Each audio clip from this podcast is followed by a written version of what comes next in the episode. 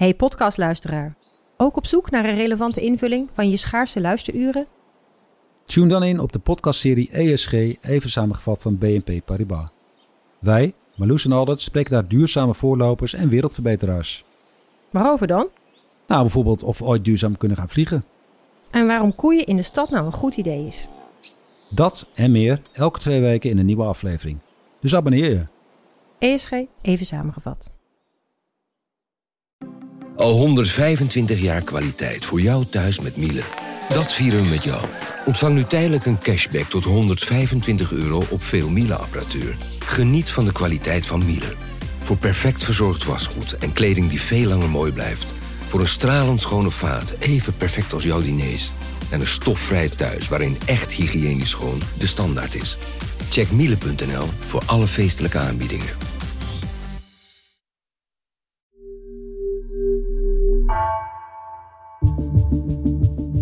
Vanaf de redactie van NRC het verhaal van vandaag.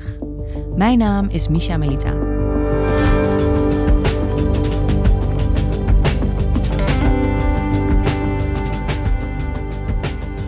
Iedereen in Den Haag is het erover eens. Er is een nieuwe bestuurscultuur nodig. De kloof tussen politiek en burgers wordt steeds groter en de affaires stapelen zich op. Die zijn vaak het gevolg van wetten die in de praktijk onuitvoerbaar blijken, ziet redacteur Wafa El Ali. En toch blijven die wetten door het parlement gemaakt worden. Wat gaat er mis?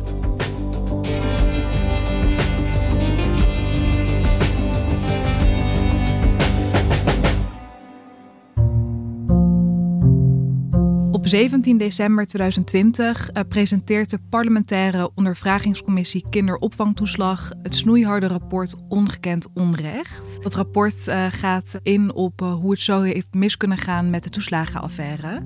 Een rapport met een conclusie als een mokerslag. En naar aanleiding van dat rapport is kabinet Rutte 3 een kleine maand na de presentatie ook afgetreden. Op alle niveaus zijn ernstige fouten gemaakt die ervoor hebben gezorgd dat duizenden ouders groot onrecht is aangedaan. Ongekend onrecht.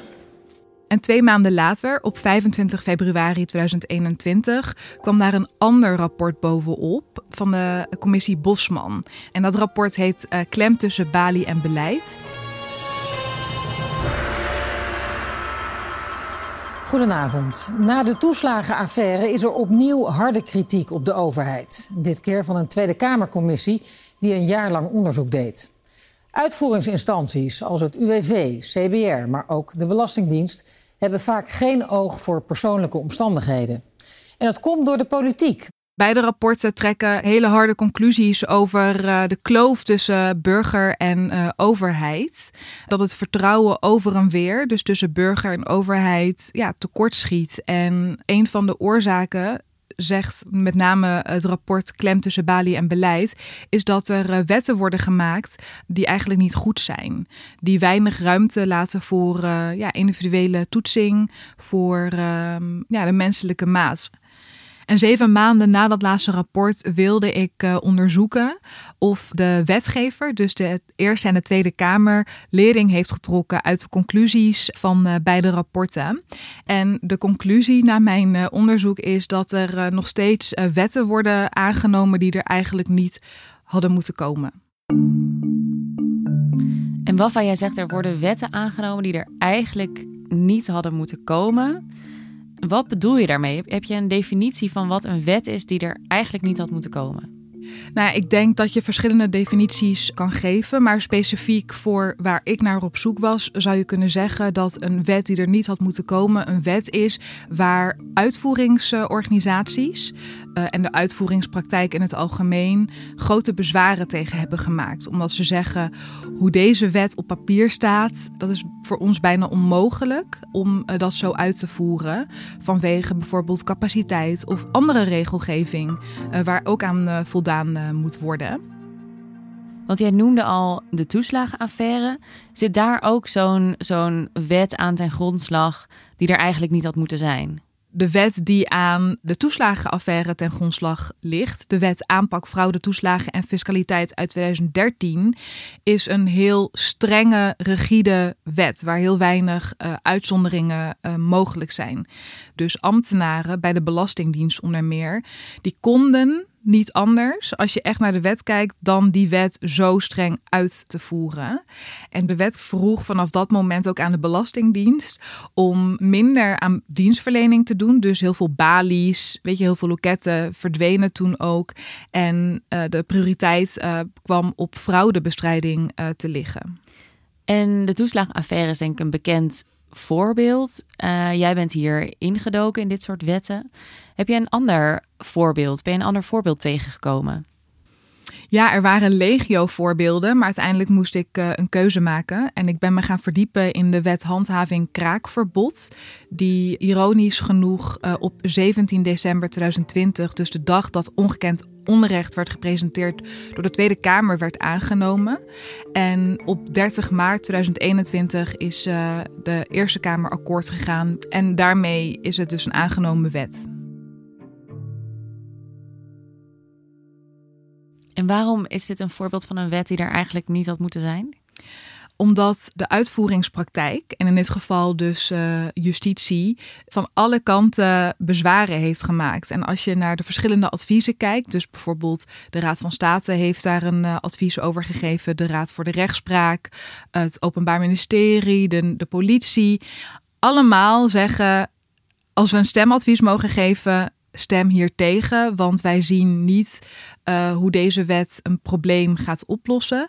Of het is niet effectief, want de wet die er nu al is, dat is dan de wet kraken en leegstand uh, uit 2010, die voldoet. Maar die kraakwet die ligt er eigenlijk al sinds 2010. Waarom moest die nu ineens onder handen worden genomen?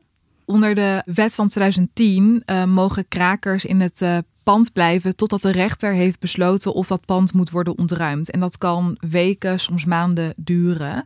En sommige Kamerleden die vonden dat eigenlijk veel te lang duren. Dan heb ik het uh, specifiek over VVD-Kamerlid Daniel Koerhuis en uh, voormalig uh, CDA-Kamerlid Madeleine van Torenburg. En ja, zij zagen aanleiding om een spoeddebat aan te vragen over uh, de wet uh, kraken en leegstand. Toen asielkrakerscollectief We Are Here in 2018 ging demonstreren door verschillende panden in Amsterdam uh, te kraken. En daarbij pleegden ze per abuis twee vergiskraken. No! Hey, I'm not doing anything, but this is a break-in. I'm not doing anything. You're pushing it outside. We live here. People live here. Dat betekent dat um, dat collectief um, uh, panden heeft gekraakt waar eigenlijk mensen nog woonden. Ja, wij liggen te slapen en we horen opeens aan alle kanten een hele hoop herrie in het pand waarbij de We Are Here groep binnen is. Dus wij gaan naar beneden, wij zeggen wij wonen hier. Jullie mogen gewoon niet inbreken. Ze gaan de discussie aan. Meneer wordt net hartstikke agressief. Deze Kamerleden reageerden daar heel uh, verbolgen over. Bijna acht weken geleden besloot een groep uitgeprocedeerde asielzoekers om gratis in huizen van anderen te gaan wonen. De ellende die volgde is onbeschrijfelijk. Dat je huis gekraakt kan worden terwijl je onder de douche staat. Onbegrijpelijk en onacceptabel. En vroegen dus uh, ja, een spoeddebat aan om het dus met minister Vert Grapperhaus van het CDA te hebben over het krakersverbod en uh, hoe het toch kan dat het zo lang duurt voordat een uh, gekraakt pand ontruimd wordt. Dat betekent dat er telkens acht weken lang een huis gekraakt kan worden. Dat er ingebroken kan worden in een huis van iemand anders. En dat je telkens acht weken lang kan blijven zitten. Gratis wonen ten koste van de eigenaar. Gratis wonen ten koste van de sociale huurder. Gratis wonen ten koste van de belastingbetaler.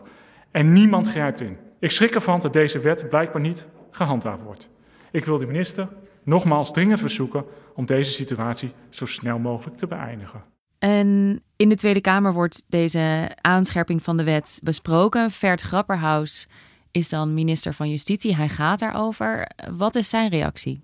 Uh, nou ja, uh, zijn reactie was uh, wel begrip voor de verontwaardiging. Maar hij benadrukte ook van geloof me, de huidige wet volstaat echt waar. Beantwoord. Er staan twee grondrechten ter discussie, zegt de Hoge Raad. Het eigendomsrecht tegenover het huisrecht. En in de praktijk staat er recht in vrijwel alle gevallen die strafrechtelijke ontruiming van kraakpanden toe. En prevaleert het eigendomsrecht. Dus een wijziging van de wet is in dat opzicht uh, niet nodig, omdat de rechter in vrijwel al die gevallen dat gewoon toewijst en dus de wet werkt goed. Maar daar nemen Koerhuis en Van Torenburg uh, geen genoegen mee. Omdat een, uh, ja, een jaar uh, later komen ze met een initiatiefwet om het kraakverbod en de handhaving daarvan aan te scherpen.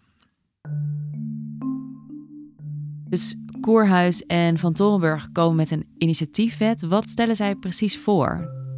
Ja, in het voorstel van Koerhuis en van Torenburg uh, verliezen krakers de mogelijkheid om een kort geding aan te spannen zodra een uh, ontruiming door de gemeente wordt aangekondigd. Uh, dus waar eerst de officier van justitie op eigen initiatief tot ontruiming van een gekraakt pand mocht overgaan, moet nu de rechtercommissaris daar binnen 72 uur over beslissen. Door het voorstel komen krakers in een strafrechtelijke procedure terecht, waar dat dus eerst een civielrechtelijke procedure was. Dus als alle andere uh, manieren uh, binnen het recht uh, geen soelaas bieden, dan komt het strafrecht kijken. En ja, veel juristen zeggen dat het dus helemaal niet nodig is, omdat het civielrecht tot nu toe altijd in staat is gebleken om ook het eigendomsrecht van de eigenaar in het oog te houden. Maar het probleem van deze wet blijft toch echt ja, de verplichting dat een rechtercommissaris binnen 72 uur moet beslissen. En waarom dat een probleem is, we hebben het hier wel over een huisrecht. En huisrecht wordt als een grondrecht gezien.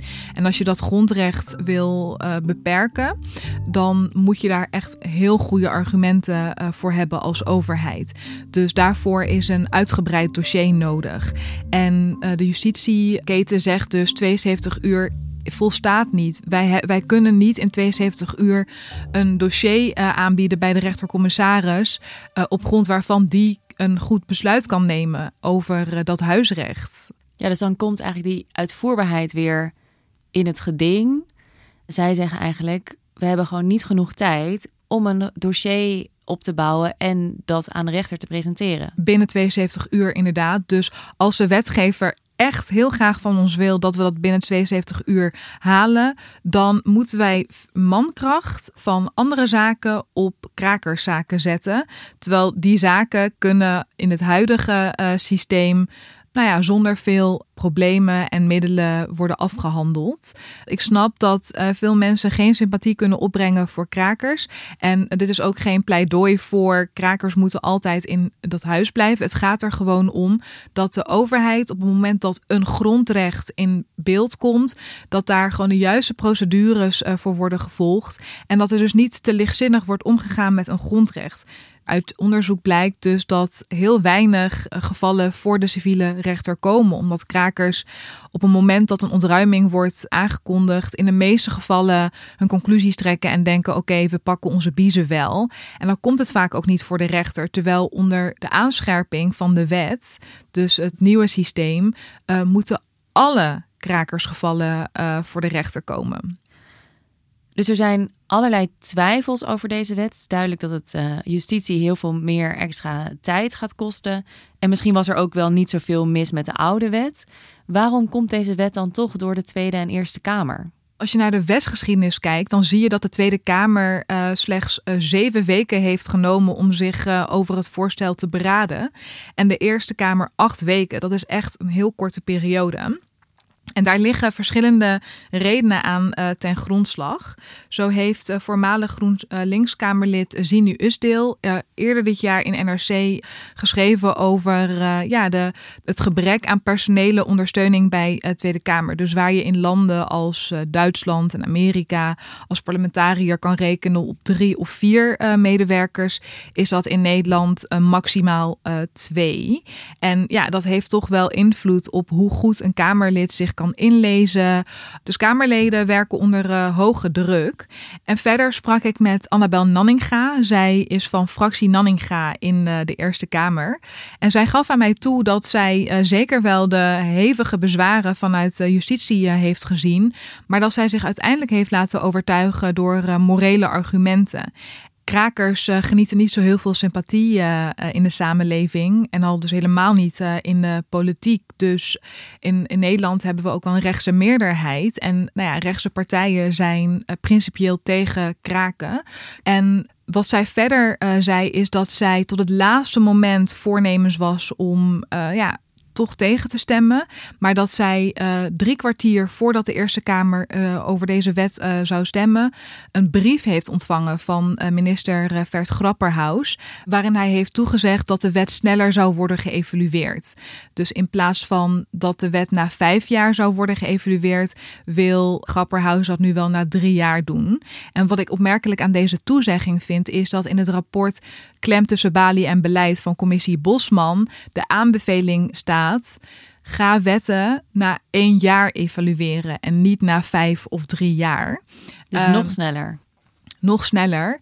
En nou, hier heeft Grapperhaus de kans gehad om deze aanbeveling uit te proberen, maar niet gepakt.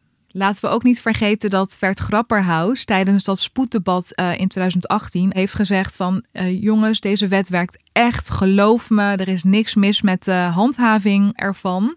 Maar toen de Eerste Kamer dus bezig was eerder dit jaar met het bespreken van deze wet, hebben verschillende partijen dus tegen hem gezegd: hey, wij signaleren grote bezwaren vanuit de uitvoering. Hoe kijkt u daar tegenaan? En dat, dat hij toen zei: Nou, volgens mij uh, moet het echt wel lukken hoor, met de handhaving uh, van deze nieuwe wet. Ja, dat is toch wel een draai. Ja, terwijl hij eerst zei van nee, er is niks mis met de wet die we hebben. Inderdaad. En was de stem van Annabel Nanninga doorslaggevend voor die stemming? Zeker, want de Eerste Kamer telt 75 zetels. Dat betekent dat je 37 plus 1 stemmen nodig hebt om een meerderheid in de Eerste Kamer te halen. En uh, fractie Nanninga telt zeven zetels. Kraken is een misdrijf en dat hoort bij het OM thuis. En dat het liefst zonder mogelijkheid tot kortgedingen en andere civielrechtelijke lijntrekkerij. Dit wetsvoorstel echter kent ondanks de goede intenties grote omissies en slordigheden. Het is echt een heel mager zesje, moet ik toch wel zeggen. En alleen met de toezegging van minister Grapperhaus om een jaar eerder dan gepland uh, deze wet te evalueren, kan en zal mijn fractie voorstemmen. Dank u wel. Als je kijkt naar uh, alle partijen die voor de wet waren, komen we uit op 33 zetels. Met Nanninga erbij werden er 40 stemmen voor deze aanscherping geteld. We stemmen bij zitten en opstaan willen de leden die voor het wetsvoorstel zijn gaan staan. Voor het wetsvoorstel hebben gestemd de fracties van het CDA, de fractie Nanninga, Forum voor Democratie, de VVD, fractie Otten, 50PLUS en de PVV. Daartegen de fracties van de SGP, GroenLinks, SP, Partij van de Arbeid, OSF, D66, Partij voor de Dieren en de ChristenUnie, zodat het wetsvoorstel is aanvaard. Als Nanninga de brief van Grapperhaus niet had ontvangen, naar eigen zeggen, dan had ze hoogstwaarschijnlijk toch tegen de wet gestemd, uh, waarmee de aanscherping dus uh, de prullenbak in kon. Dus Waffa, deze wet wordt aangenomen. De kraakwet uit 2010 wordt aangescherpt. Um, maar het is toch best wel duidelijk dat hier vooral politieke motieven een rol spelen. En dat er niet echt is gekeken door de Eerste en Tweede Kamerleden, of in ieder geval niet genoeg, naar de uitvoerbaarheid en naar de signalen die er waren vanuit de uitvoeringsinstanties. Hoe kan dat na wat we allemaal hebben meegemaakt met de toeslagenaffaire? Dat is de hamvraag, uh, Misha. Wat je het afgelopen jaar hebt gezien is dat iedereen op het Binnenhof de mond vol heeft van de nieuwe bestuurscultuur. Er moet een nieuwe bestuurscultuur komen. We hebben nieuw leiderschap nodig. En ja, wat de totstandkoming van deze wet mij in elk geval laat zien, is dat het heel moeilijk is om gedrag te veranderen. Je kunt wel uh, mooie woorden hebben en zeggen: wij gaan uh, voorkomen dat burgers nog een keer klem komen te zitten vanwege een harde aanpak vanuit de overheid, terwijl dat niet nodig is. Dat kan je wel zeggen, maar dan moet je ook bereid zijn om een uitvoerige uitvoeringstoets te doen en naar de bezwaren bij zowel burgers als de organisaties die belast worden met het uitvoeren van zo'n wet, dat je dat serieuzer uh, neemt. En weet je, uiteindelijk Kamerfracties zijn ook zijn politieke organen. Zij zitten daar omdat ze een politieke uh, boodschap uh, verkondigen en daar genoeg zetels voor hebben gekregen om in de Tweede Kamer te komen. En politieke partijen zijn als de dood om uh, in het stemhokje afgestraft te worden. Maar Wafa, dat stemt toch wel cynisch, want we begonnen deze aflevering met die twee rapporten die zijn geschreven naar aanleiding van de toeslagenaffaire. Hebben we daar dan niks van geleerd? Ja, dat is echt een uh, complexe vraag. Want ik geloof echt dat iedereen op het Binnenhof zich rot is geschrokken van uh, de toeslagenaffaire. En dat de levens van tienduizenden mensen zijn verwoest vanwege een overheid die te weinig oog had voor haar burgers. Maar ja, ik kan toch niet anders dan zeggen dat er uh, op dit moment nog onvoldoende lering is getrokken uit uh, de toeslagenaffaire en uit de twee rapporten die tot stand zijn gekomen vanwege die affaire. Dankjewel, Alfa. Graag gedaan.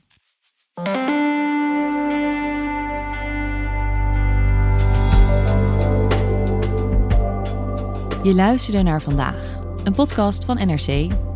Eén verhaal elke dag. Deze aflevering werd gemaakt door Felicia Aberding en Jeroen Jaspers. Dit was vandaag, morgen weer.